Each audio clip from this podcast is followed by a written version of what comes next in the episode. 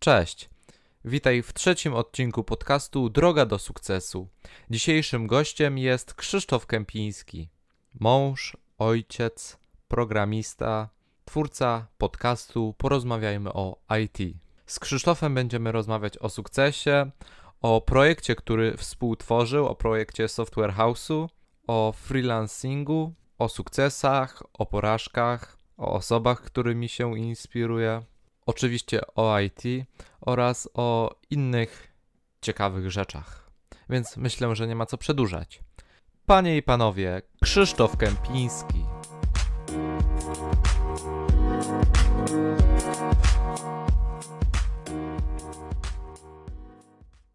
Cześć Krzysztof. Cześć Oskar. Bardzo dziękuję, że przyjąłeś zaproszenie do trzeciego odcinka podcastu. Na początek mógłbyś powiedzieć kilka słów o sobie? Pewnie. Przyjemność po mojej stronie. Dzięki za zaproszenie. Oczywiście nazywam się Krzysztof Kępiński.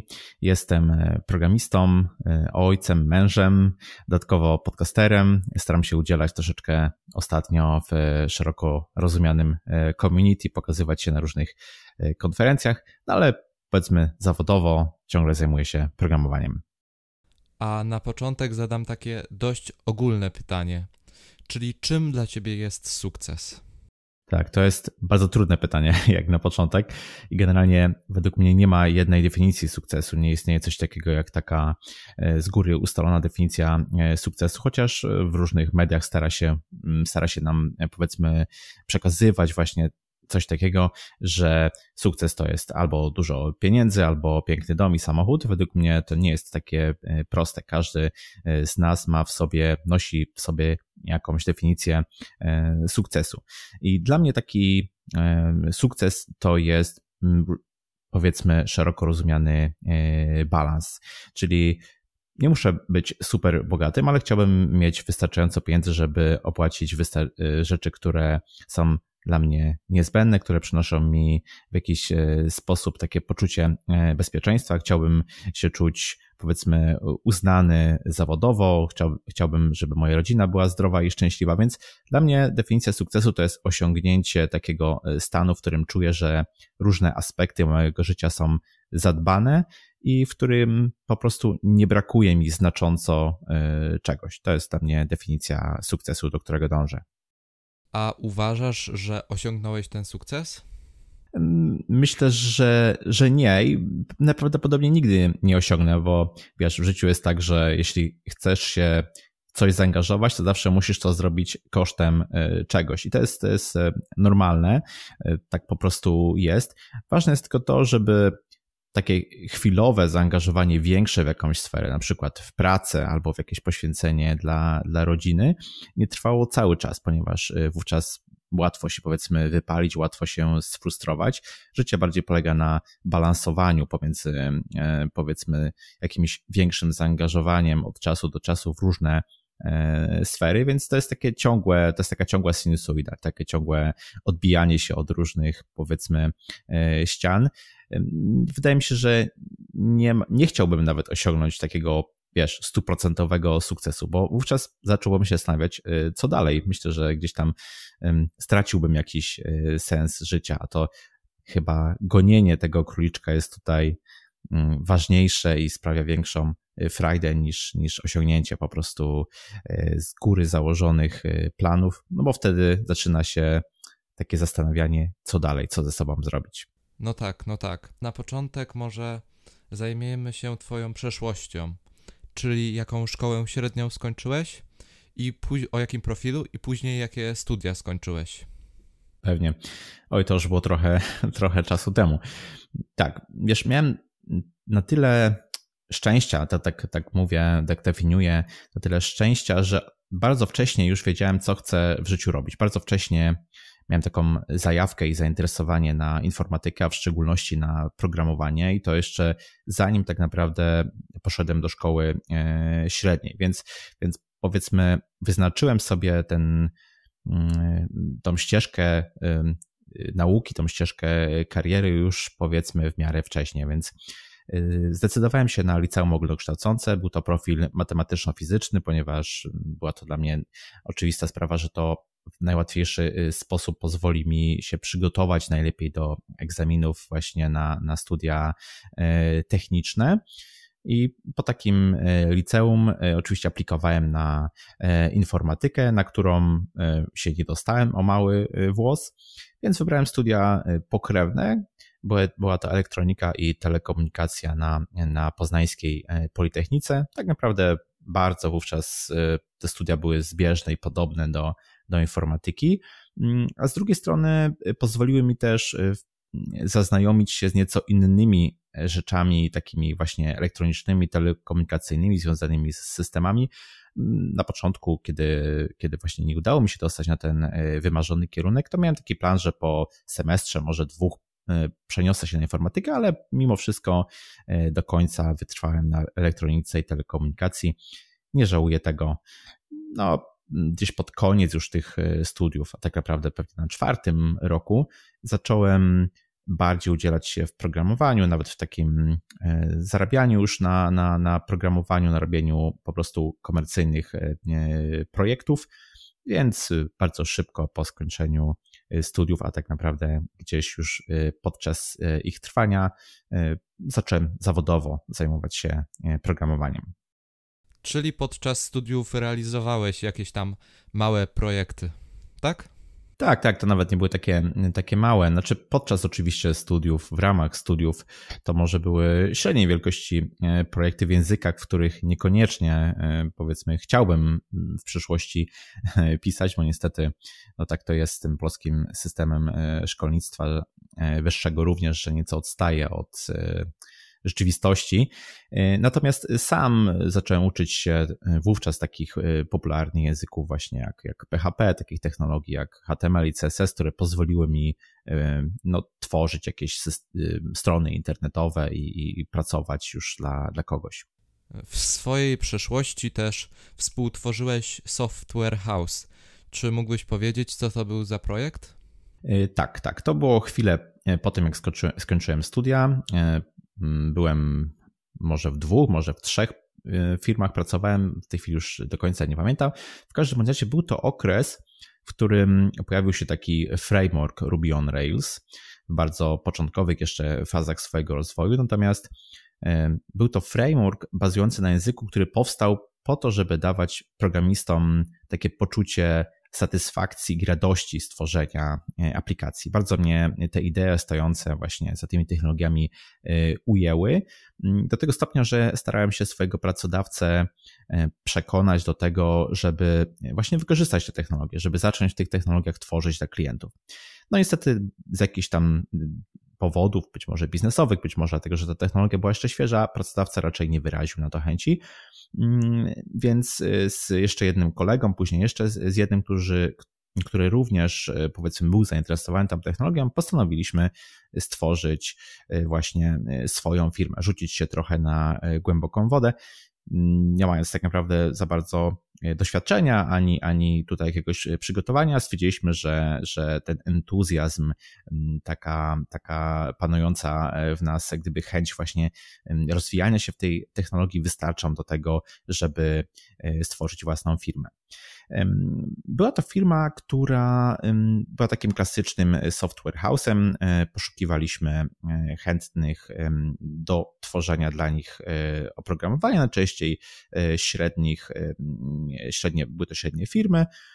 No i proponowaliśmy im kompleksowe rozwiązania, kompleksowe wdrożenia i przygotowanie strony internetowej. Także w tym przez 6 lat około mm, działalności tej firmy głównie zajmowaliśmy się tworzeniem e, mniejszych i większych e, stron internetowych. Mm, a jak poszukiwaliście klientów? Tak, e, poszukiwaliśmy na różne sposoby. Mm, naj prostszy i taki najbardziej skuteczny to był e, networking. Mm, również takie spotkania e, biznesowe, networkingowe, które, które e, się odbywały, na które, które po prostu chodziliśmy i staraliśmy się zainteresować mm, również tam przebywających, powiedzmy, przedsiębiorców. Mm, ale stwierdziliśmy i zauważyliśmy szybko, że jednak takie poszukiwanie klientów z polecenia mm, jest y, najbardziej skuteczną metodą, bo jak gdyby skraca ten y, dystans, powiedzmy, pomiędzy takim pierwszym kontaktem a zainteresowaniem ofertą. Więc y, staraliśmy się właśnie inwestować nasz czas w, w nawiązywanie i utrzymywanie później kontaktów, relacji z firmami. Później jakoś samo w pewnym momencie to się kręciło w ten sposób, że nie musieliśmy bardzo aktywnie e, pozyskiwać nowych e, klientów, ponieważ poprzez e, polecenia no, sami, sami klienci do nas spływali. Tutaj trzeba tylko dodać, że ta metoda jest, jest fajna, jest, jest skuteczna, ale trzeba zadbać o dobrą jakość produktu, dobrą jakość tego, co się robi, bo to jest niezbędny warunek do tego, żeby być poleconym e, dalej. Więc na to bym zwrócił uwagę. A czy podczas budowania tego e, software house'u popełniliście jakiś błąd? Hmm. Mnóstwo, mnóstwo, wiesz, bo to e, był nasz pierwszy biznes. Tak naprawdę niemały już od samego początku, mm, który miał też no już jakieś koszty, bo na początku było nas y, trzech założycieli, zaczęliśmy później y, zatrudniać osoby, programistów, grafików do tego, żeby realizować zlecenia, więc, więc oczywiście były to jakieś realne koszty, jakieś realne pieniądze, które trzeba było powiedzmy co miesiąc mieć na koncie, żeby tą firmę utrzymać. Oczywiście jeśli teraz sobie myślę o tych błędach, to taki najważniejszy y, błąd, czy takie zaniechanie właściwie, to jest nieokreślenie, czy nie zbudowanie sobie takiego biznesplanu. Bazowaliśmy na tym, że y, sama technologia jak gdyby zapewni nam e, klientów, że, że jej powiedzmy świeżość, jej nowość spowoduje, że to źródełko nigdy e, nie wyschnie i że my będziemy też czerpać radość, e, powiedzmy, i zawsze będziemy zadowoleni z pracy bo, e, bo, bo właśnie ta technologia nas fascynowała. No oczywiście e, to jest ważne, żeby robić to, co się lubi, ale mm, takie twarde zasady biznesowe mm, są no, również e, istotne. Trzeba z, z, głową w chmurach, ale, ale mimo wszystko stąpając mocno po ziemi, mm, wyznaczać sobie właśnie jakiś biznesplan, czyli dokładnie na czym firma będzie chciała zarabiać, w jaki sposób będzie finansowała swoją działalność. To jest, to jest coś, czego nam e, zabrakło, czego sobie mm, w żaden sposób nie wyznaczyliśmy.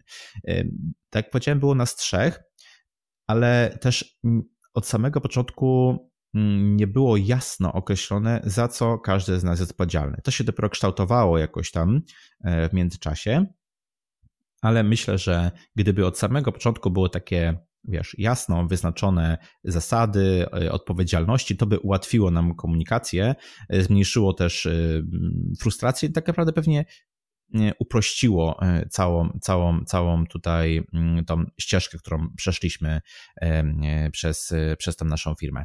Więc no, y, pominęliśmy zupełnie taki początkowy etap e, definiowania tego e, biznesu. Wskoczyliśmy od razu do, do, do pracy i myślę, że to, to, był, to był duży błąd. Zdecydowanie tego zabrakło na początku. A tak ogólnie, to jak oceniasz ten cały projekt? Mm, myślę, że mm, z perspektywy czasu pomimo tego, że, że e, po sześciu latach firma e, została zamknięta, mimo wszystko nauczyłem się naprawdę, naprawdę wielu e, rzeczy związanych z prowadzeniem własnej działalności, z takimi rzeczami wokoło, powiedzmy, mm, księgowymi, z zatrudnianiem ludzi, również z ich zwalnianiem. Więc no, nie, myślę, że gdzie indziej nie byłbym w stanie tylu rzeczy się nauczyć. Jest też jeszcze jeden ważny element. E, ponieważ firma, firma była mała, no to uczestniczyłem e, gdyby w spotkaniach e, z klientami. Uczestniczyłem w rozmowach, w, w, w słuchaniu tego, czego klienci oczekują. I to jest też taka umiejętność, taka wiedza, która później bardzo pomogła mi e, w mm, prowadzeniu działalności freelancerskiej. E, pomogła mi w takim łatwiejszym podejściu do e, klienta, takim nastawieniu proklienckim, po to, żeby odpowiadać na jego oczekiwania. Więc powiedziałbym, że była to szkoła, która pozwoliła, pozwoliła mi zrozumieć wiele rzeczy z prowadzenia działalności i mimo wszystko oceniam ten projekt jako, jako fajny, jako taki, który, który no, dał mi naprawdę dużego kopa w dalszych tutaj projektach i działalnościach. I aktualnie pracujesz jako freelancer. A czy mógłbyś powiedzieć, czego uczy właśnie taka praca freelancera? Tak, w międzyczasie przechodziłem przez różne e, formy, mm, że tak powiem, e, działalności. Mm, najczęściej była to faktycznie, był, był to faktycznie freelancing oparty na e, własnej mm, działalności. I to, to jest też działalność gospodarcza. To jest też w jakiś sposób bycie odpowiedzialnym za siebie. Co prawda firma jest mała, jest jednoosobowa, ale no, mimo wszystko to cały czas ode mnie zależy, jakie będzie powodzenie tego, tego przedsięwzięcia. Więc y, y, freelancing to również jest y, taka szkoła samodzielności, odpowiedzialności. No nie da się uniknąć takiej kwestii właśnie księgowych, rachunkowych, tutaj wokoło podatkowych. Mimo wszystko, pomimo tego, że mam księgową, że gdyby deleguję te rzeczy do niej, no to, to jakoś tam mam z tym e, do czynienia, więc, więc to, też, to też właśnie pozwala na e, obeznanie się z takimi e, kwestiami.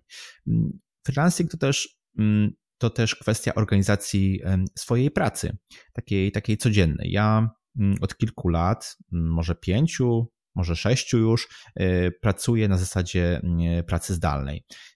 Nieraz z domu, nieraz z jakiegoś coworkingu, ale mimo wszystko to, czego się nauczyłem właśnie, to kwestia mm, takiej, takiej twardej i ostrej linii postawionej pomiędzy pracą a życiem e, prywatnym.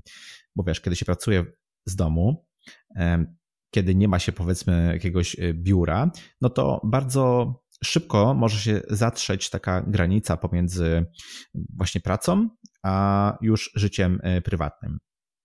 I to się bardzo źle później odbija nie tylko na, na, na rodzinie, ale też na, y, na, na, właśnie programiście, który, który w ten sposób mm, pracuje, bo on cały czas głową jest y, w pracy. A mimo wszystko uważam, że potrzebne jest takie, takie y, rozróżnienie. Więc no, freelancing na pewno nie jest dla każdego, na pewno jest wymagający, wymaga trochę czasu, żeby się do niego przyzwyczaić ale oczywiście ma też fajne strony, ma też y, takie, taką y, możliwość realizacji różnych projektów, przerzucania się na różne projekty, wyboru klientów, y, wyboru projektów, które nam nie pasują, też takiego samostanowienia w rozwoju swojej kariery, no ale oczywiście wymaga gdyby cały czas wzięcia odpowiedzialności za to, co się robi. A mógłbyś też powiedzieć, jakie projekty aktualnie realizujesz? Pewnie.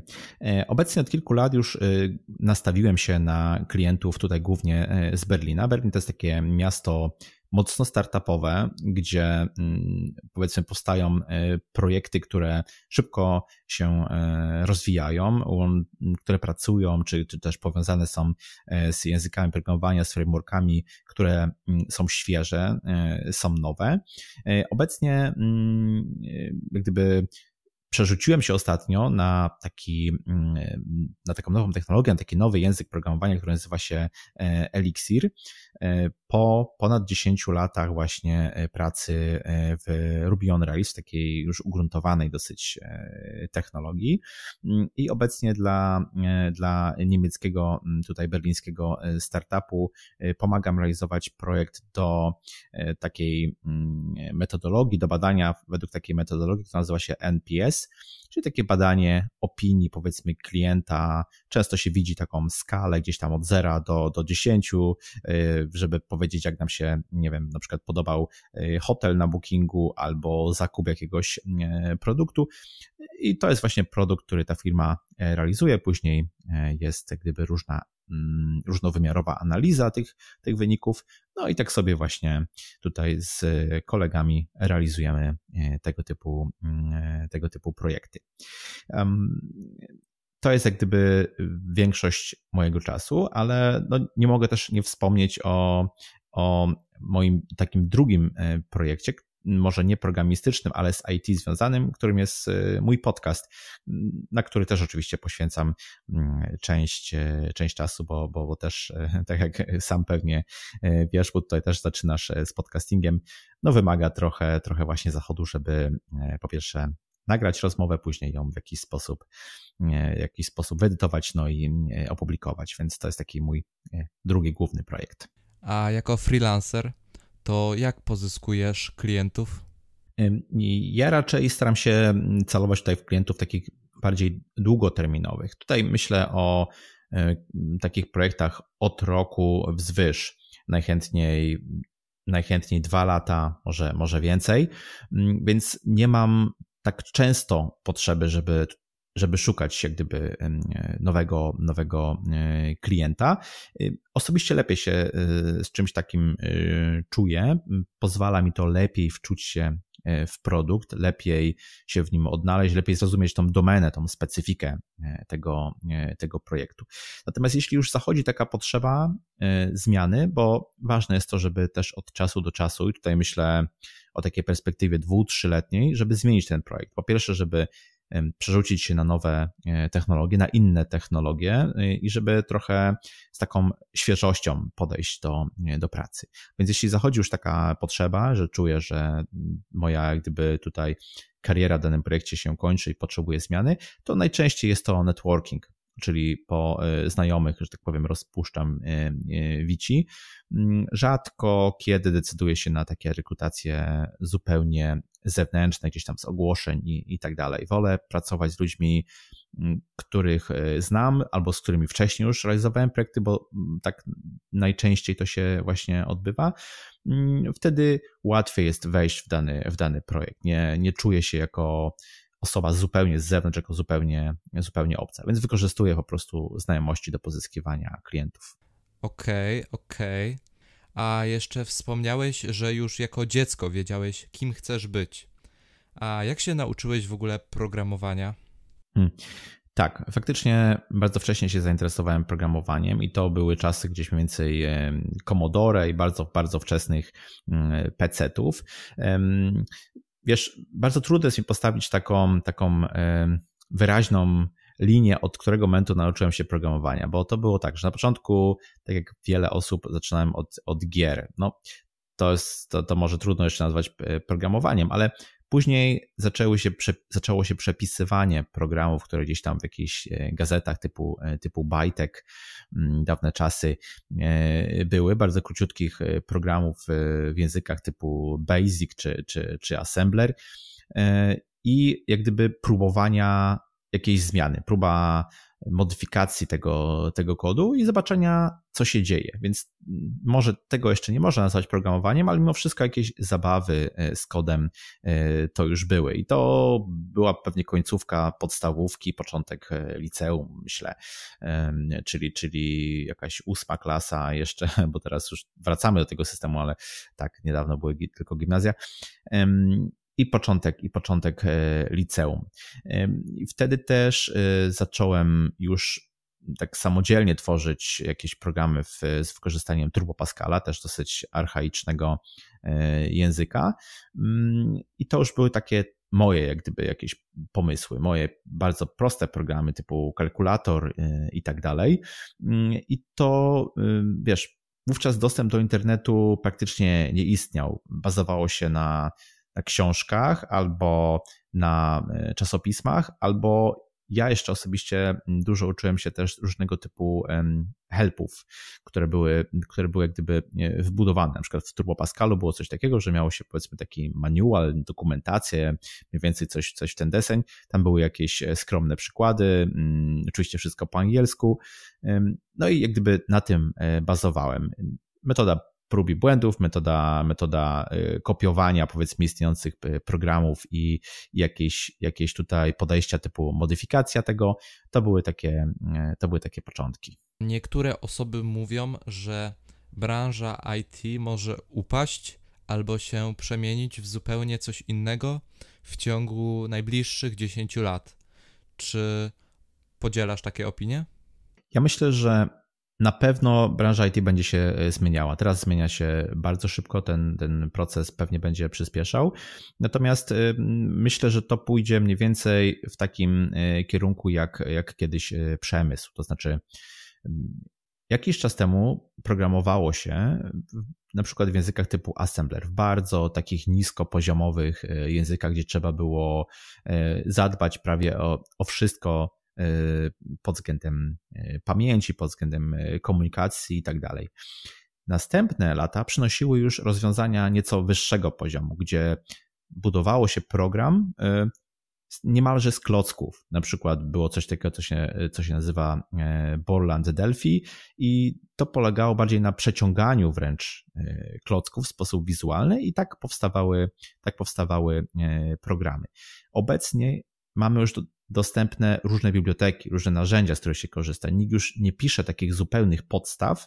To już zostało jak gdyby zrobione. Są gotowe elementy, z których można e, wykorzystać. I właśnie ten proces tutaj widzę, widzę. Widzę ewolucję w tym e, kierunku, że coraz bardziej będziemy dążyli e, w kierunku kreatywnego wykorzystania tego, co już jest, niż, niż powiedzmy próby odkrywania koła na nowo, na przykład y, z, z uczeniem maszynowym. Y, obecnie większość jakichś kursów, czy, czy, czy ludzi, którzy się tym zajmują, operują na algorytmach, implementują algorytmy, ale coraz bardziej wchodzą mm, takie narzędzia, które dają nam jak gdyby taką, taką czarną skrzynkę, dają nam ten dany algorytm uczenia maszynowego już opakowany nie trzeba się go uczyć, nie trzeba e, nawet wiedzieć, jak on działa. Wystarczy, że, że mamy taką, taką skrzynkę, tak w cudzysłowie, która działa w określony sposób. My wiemy, my wiemy, co dostaniemy mniej więcej e, na zewnątrz, czego się e, spodziewać, i budujemy nasz program po prostu zestawiając te, te klocki. Te klocki będą rosły, one będą coraz większe i będziemy właśnie programowanie będzie dążyło w tym kierunku, że będziemy układać sobie e, program z istniejących elementów bez konieczności jak gdyby wnikania, jak tak naprawdę niskopoziomowo, jak to działa. E, to tak jak e, buduje się na przykład samochód. Można kupić jakąś część, na przykład turbosprężarkę i nie musimy wiedzieć, jak ta turbosprężarka działa. Jedyne, co, co nam jest potrzebne, to wiedza o tym, że powoduje ona to i to w samochodzie. Tak, tak samo było, będzie z, z, informatyką, tak samo będzie z, z programowaniem. To jest na pewno kierunek, w którym nasza cywilizacja bardzo mocno będzie szła. Coraz bardziej będzie rosło zapotrzebowanie na, na, na programistów, na osoby, które to e, rozumieją.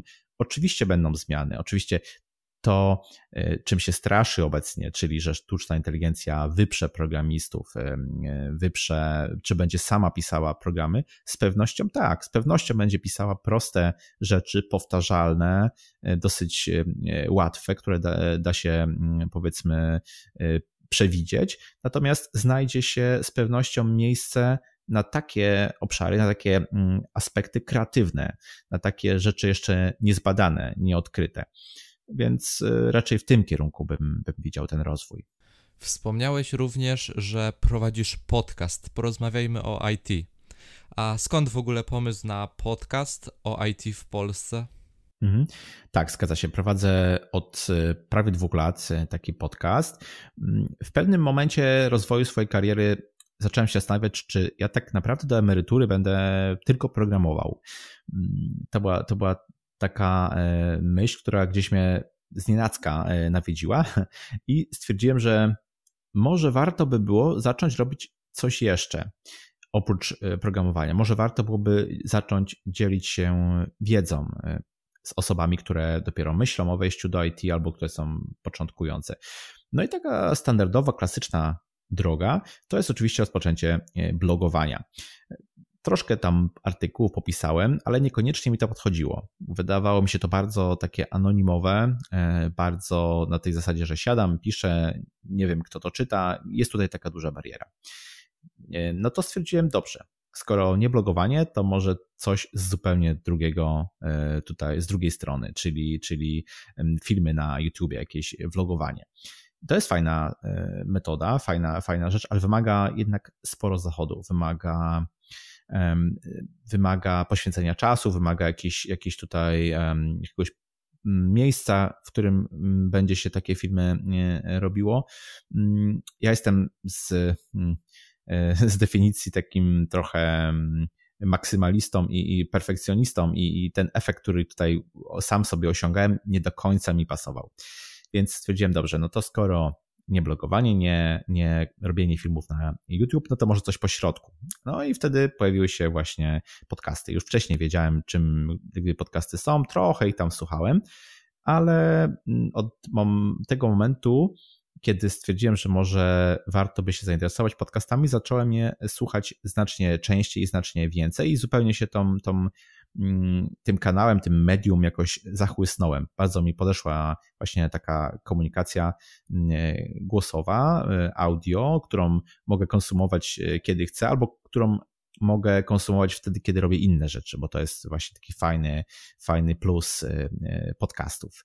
Mm, na początku, po kilku odcinkach stwierdziłem, że zupełnie się tego nie nadaje. Wiesz, to na początku każdy, każdy podcaster właśnie ma e, taki problem, że jak słyszy swój głos gdzieś tam nagrany, to stwierdza, że to jest katastrofa. Mm, e, I zrobiłem po tych kilku odcinkach e, przerwę sobie. To była taka przerwa półroczna.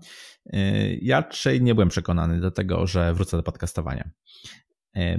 Natomiast po nowym roku, w styczniu, to jest taki okres, kiedy się często podejmuje różnego typu wyzwania, stwierdziłem, że może wrócę do tego podcastowania w sposób taki zorganizowany, taki trochę ułożony, regularna publikacja i tak dalej. No i w momencie, kiedy właśnie sobie tak to ustawiłem, że weszło mi to w, w krew, e, takie wydawanie podcastów co dwa tygodnie, to bardzo to polubiłem. Bardzo polubiłem poznawanie nowych ludzi dzięki e, podcastowi, bardzo mi ta forma e, podeszła. No i tak właśnie od prawie dwóch lat regularnie wydaję, publikuję odcinki.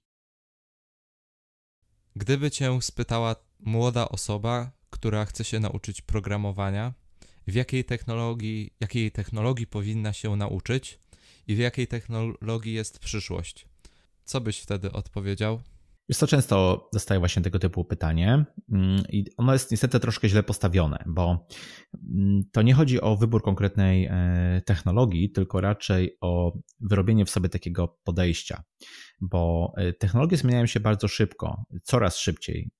Nie da się nauczyć jednego języka albo jednej technologii i pracować w niej dłużej niż kilka lat to nawet jest pewnie i tak za długa perspektywa. Więc y, raczej bym powiedział, że istotniejsze jest to, że wybierz sobie jakikolwiek język y, programowania, który tobie pasuje. To może być jakiś język y, z tworzenia gier. To może być jakiś język typu JavaScript, który pozwoli tobie budowania, na budowanie jakichś aplikacji internetowych. Naprawdę, naprawdę to nie ma znaczenia, bo ty i tak w ciągu swojej kariery będziesz musiał, będziesz zmuszony do tego, żeby się nauczyć wielu różnych języków.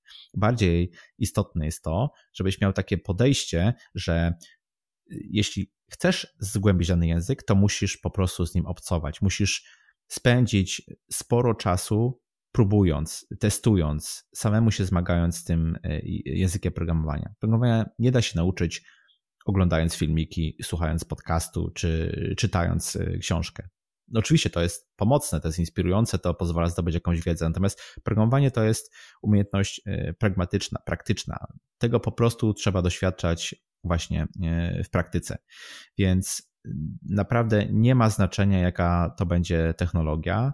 Ważne jest to, żeby regularnie i właśnie w taki y, sposób przemyślany y, uczyć się tego, tego języka czy takiej e, technologii. Więc mm, tak staram się mniej więcej odpowiadać. A jaką taką radę chciałbyś usłyszeć, gdy byłeś młody? Myślę, że taką, że nie warto się bać i próbować rzeczy, które gdzieś tam nam e, w sercu i w duszy grają, bo my się często obawiamy opinii innych. E, często nas to powstrzymuje, myślimy sobie, co inni o nas pomyślą. Tymczasem najczęściej innych zupełnie nie interesujemy. Nawet jeśli przez chwilę staniemy się przysłowiową sensacją, to każdy z nas ma tyle różnych rzeczy, tyle różnych informacji go bombardujących, że nie zwróci na nas uwagi dłużej niż przez kilka e, minut albo, albo, albo dni w najgorszym przypadku. Więc nie powinniśmy się obawiać e, odbioru opinii e, innych. Jeśli czujemy, że coś nas interesuje, coś chcielibyśmy robić, to po prostu warto spróbować. I z drugiej strony nie warto albo nie ma sensu bać się w przyznaniu samemu sobie, że poszliśmy w złym kierunku, że to nie jest ta droga, którą to nie jest to, co chcielibyśmy e, w życiu robić. Mm, naprawdę, jeśli spróbujemy wielu różnych e, rzeczy, zwłaszcza będąc e, młodym, to w przyszłości będziemy dużo bardziej świadomi, będziemy dużo lepiej potrafili siebie zdefiniować, dużo lepiej będziemy wiedzieli, co chcemy robić. Więc taka mnogość doświadczeń, zwłaszcza na początku swojego życia w, w, w młodości, jest jak najbardziej e, na plus. W życiu wiele razy się potkniemy, e, wiele razy coś nam nie wyjdzie, i to jest normalnym procesem, normalnym krokiem w procesie e, uczenia. Więc nie ma sensu zbyt długo rozpatrywać e, porażek. Warto próbować, warto szukać swojej po prostu e, drogi w życiu, ale tutaj postawiłbym akcent na szukać. Jeśli będziemy oczekiwali, że nagle spłynie na nas natchnienie i nagle dowiemy się, kim chcemy być, co chcemy w życiu robić, to najprawdopodobniej tak nie będzie. Natomiast jeśli będziemy aktywnie poszukiwać swojej drogi, czy właściwie nie poszukiwać, tylko ją tworzyć, to znacznie łatwiej nam to przyjdzie i dużo większą satysfakcję nam to przyniesie. Wiesz co? Ja bym nawet powiedział, że nie obchodzimy innych, dopóki nam nie zacznie wychodzić i oni wtedy zaczną nam zazdrościć. Hmm. No tak. Tak, tak. E, to, ma, to masz rację. Wiesz, ja też mam e, swoich hejterów, ale, ale e, to mnie cieszy, bo to znaczy, że osiągnąłem już jakąś taką e, skalę. Wiesz, to jest tak, że nie musimy być zupą pomidorową, nie musimy smakować wszystkim. Zawsze znajdzie się grupa ludzi, którzy będą rozumieli, będą podziwiali albo będzie im się podobało to, co robimy, i znajdzie się też taka, która będzie uważała, że to jest bez sensu, że to jest e, głupie, że nie powinniśmy tego dalej, dalej robić. To zawsze tak będzie, obojętnie na jaką, mm, w, jaką, w jakim kierunku nie pójdziemy, czy czego się nie, nie podejmiemy. Mm, I tak jak powiedziałeś, no, jeśli faktycznie zaczniemy zauważać, że Y, ludzie w jakiś sposób nas hejtują, nas y, może nawet obrażają, są dla nas y, niemili, to może zwyczajnie po prostu zazdroszczą. Tak, tak. A jeszcze odnośnie zupy pomidorowej, to znam osoby, które nie lubią. no właśnie. Powiedziałeś, tak że wiele razy w życiu się potkniemy, wiele razy coś nam nie wyjdzie. A mógłbyś powiedzieć, jaka była Twoja największa porażka w życiu oraz jaki był Twój największy sukces mhm. w życiu? Pewnie. Wiesz co, mm, patrząc do tyłu, łącząc y, kropki do tyłu, tak jak to powiedział Steve Jobs, y, nie mogę znaleźć takiej jednej porażki, którą uznałbym za wielką katastrofę. Jak sobie tak spoglądam do tyłu, to widzę, że większość rzeczy, które gdzieś tam mi się nie udały, były takim zaczynem, były początkiem czegoś nowego, co później przerodziło się w coś e, fajnego. I nawet tak jak mówiłem o tym, że właśnie e, firma e, upadła, to, to wiesz, to nasze dziecko, które przez, nad którym powiedzmy przez 6 lat tam pracowaliśmy, to w tej krótkiej perspektywie czasu po tym wydawało się, że to jest faktycznie duża porażka. Natomiast teraz patrząc z tej perspektywy, tak jak tobie powiedziałem, nauczyłem się dzięki tej firmie wielu różnych rzeczy gdybym tej firmy w jakiś sposób nie, nie porzucił, nie, nie zaprzestał, to nie poszedłbym dalej, prawda? Nie, nie popchnęłoby mnie to do dalszego rozwoju.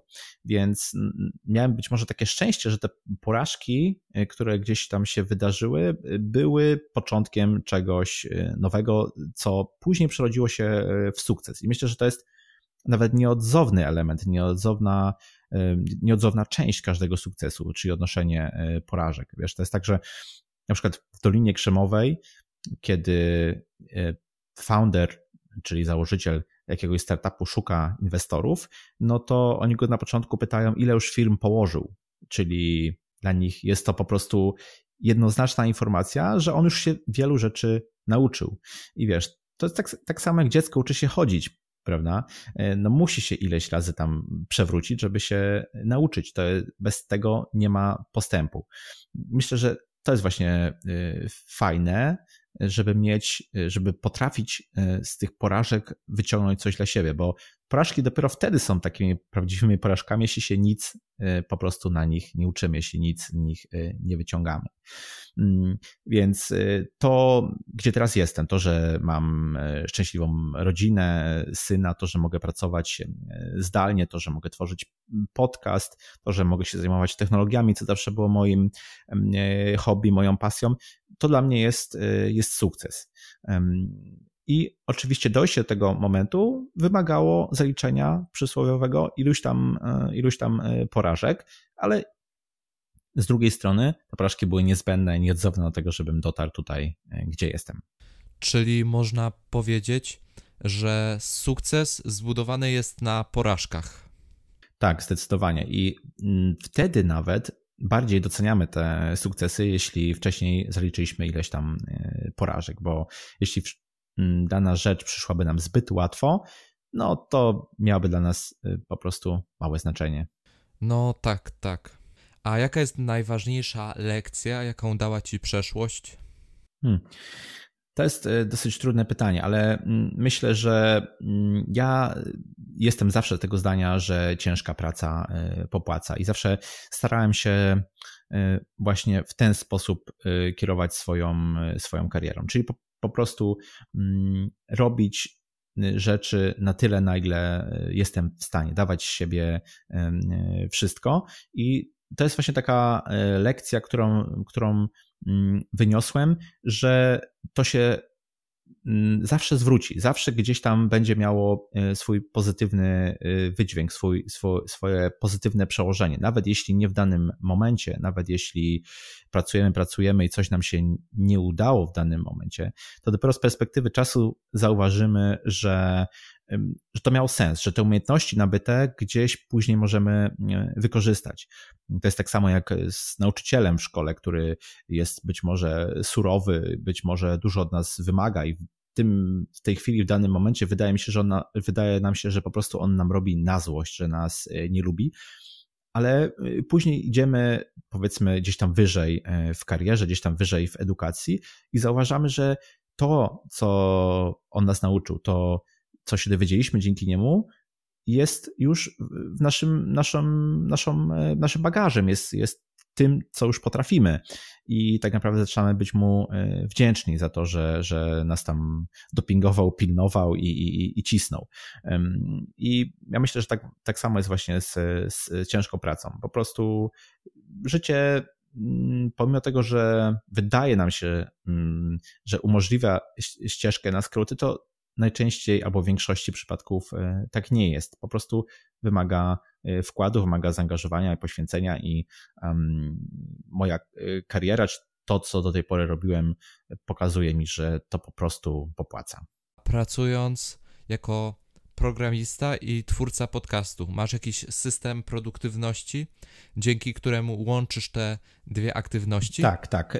Mam coś takiego. To jest system, który jest też płynny. Nie jest w żaden sposób bardzo E, sztywny. Staram się go cały czas modyfikować, patrzeć, e, co działa, co, co nie działa, ale gdyby e, w centrum, powiedziałbym, tego, mm, tego systemu stoi system do zarządzania zadaniami. To znaczy, staram się wszystko planować, wyrzucać z głowy, czyli nie mieć tak zwanych otwartych pętli. Maksymalnie cokolwiek chodzi mi po głowie, w sensie jakaś rzecz do zrobienia, e, jakaś, jakiś, e, jakaś myśl, jakiś, jakiś projekt, staram się to zrzucać do systemu. I korzystam sobie z takiej aplikacji, która nazywa się e, Nozbi, dosyć popularna aplikacja i wszystko sobie w tym, e, w tym narzędziu planuję. To znaczy, mm, mam jak gdyby każdy, na każdy dzień rozpisane, co chcę w tym dniu e, zrobić, takie zadania do, e, do osiągnięcia czy do zrealizowania. Co tydzień robię sobie przegląd taki, czyli sprawdzam co w zeszłym tygodniu zrobiłem, co mi się udało zrobić, czego mi się nie udało zrobić, jakie mogę wnioski z tego wyciągnąć. Także staram się zaplanować następny tydzień takie najważniejsze rzeczy oczywiście, bo to nie jest tak, że jesteśmy w stanie sobie dokładnie co do minuty wszystko zaplanować. To jest niemożliwe. Życie jest e, życiem, często różne niespodzianki i nieprzewidziane rzeczy się zdarzają. Natomiast e, takie największe, najważniejsze e, rzeczy nie pozostawiam je przypadkowi. Planuję na konkretny dzień. Zauważyłem, że jeśli sobie bardzo dokładnie właśnie zaplanuję, w sensie do danego dnia, to w danym dniu kiedy rano siadam do komputera, do pracy, do, do realizowania obowiązków, mam taką listę i wiem, co muszę zrobić. Nie muszę myśleć, co, za co się teraz zabrać, albo co zrobić w następnej kolejności, bo to już wcześniej sobie zaplanowałem i określiłem. Po prostu realizuję zadanie po, po zadaniu. Także te przeglądy e, są też e, jak gdyby istotne. Korzystam e, z kalendarza, korzystam z aplikacji e, Nozbi. Staram się ograniczać, e, wycinać wszystkie notyfikacje, wszystkie powiadomienia na telefonie, na komputerze w momencie, kiedy pracuję, żeby tą taką dystrakcję, tą, to, to, to rozproszenie maksymalnie likwidować i skupiać się na danym zadaniu, które jest w tej chwili najważniejsze porzucając jak gdyby jakieś tam social media i odpowiadanie na, na, na wiadomości i, i tak dalej. Więc myślę, że to są takie, takie najważniejsze elementy tego mojego systemu produktywności. Czyli głowa jest do tworzenia, a nie do magazynowania danych. Otóż to, nasz mózg raczej nie jest stworzony do tego, żeby przechowywać zbyt e, dużą ilość informacji, e, takich zadań czy, czy, czy, czy mm, osobnych, powiedzmy, jakichś niezależnych rzeczy. Mm, lepiej się do tego sprawdza kartka papieru, albo kalendarz, albo mm, jakaś elektroniczna e, aplikacja. I warto też tutaj dodać, że jest taki efekt, zajgarnik, który jak gdyby w dużym skrócie e, powoduje coś takiego, że jeśli zaczniemy nad czymś e, pracować, albo zaczniemy nad czymś e, myśleć, albo pojawi nam się jakieś zadanie, to do momentu, kiedy go nie skończymy, to jest taka otwarta pętla, czyli cały czas nam się to gdzieś tam kołacze po głowie, cały czas gdzieś nam chodzi po głowie, zajmując tak nasz mózg, jak gdyby skupiając jego, jego mm, aktywność. Więc jeśli nam się pojawia jakaś myśl albo wpada nam właśnie jakiś mail, jakieś zadanie, lepiej to zrzucić do jakiegoś e, systemu, nie myśleć e, o tym, a pozostawić ten nasz mózg chłonny i otwarty i, i możliwy do pracy nad rzeczami, które są w danej chwili najważniejsze. A masz jakieś osoby, którymi się inspirujesz? Tak, myślę, że, że są takie osoby, aczkolwiek mm, ja tutaj powiedziałbym, że albo rozgraniczyłbym pomiędzy osobami, e, z którymi się inspiruję, a mentorami, bo mm, często niektórzy mówią, że mają mentorów. Dla mnie mentor to jest osoba, która całość, na, która powiedzmy całościowo jest dla nas wzorem, tak? która, na którą chcemy kopiować być może. Natomiast ja staram się wyciągać takie najlepsze rzeczy od wielu różnych e, osób. I na przykład no, z polskiego rynku to może być e, Mirek Burnejko, który, który gdyby tutaj właśnie w bardzo fajny sposób wychwytuje e, wiedzę i od razu aplikuje ją w życie. To może być, to może być Maciek Ganiserowicz, który tworzy bardzo fajne społeczności. To może być Marcin Osma z taką, takim hustlingiem i takimi sprzedażowymi, powiedzmy tutaj, skillami. Dominik Juszczyk ze swoją e, empatią.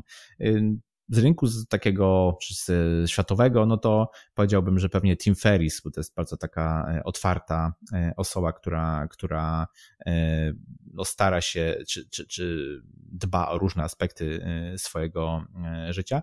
I pewnie znalazłoby się jeszcze wiele osób, ale właśnie tak jak, tak jak mówię, raczej staram się czerpać pojedyncze rzeczy od osób które uważam, że są w danej dziedzinie y, najlepsze. Już tak prawie kończąc, mógłbyś powiedzieć, jakie masz plany na bliższą oraz na dalszą przyszłość? Wiesz, kiedyś faktycznie starałem się takie rzeczy robić, czyli planować sobie na przykład, y, zastanawiać się, co chciałbym osiągnąć w perspektywie jakiegoś czasu. Teraz coraz bardziej od tego odchodzę.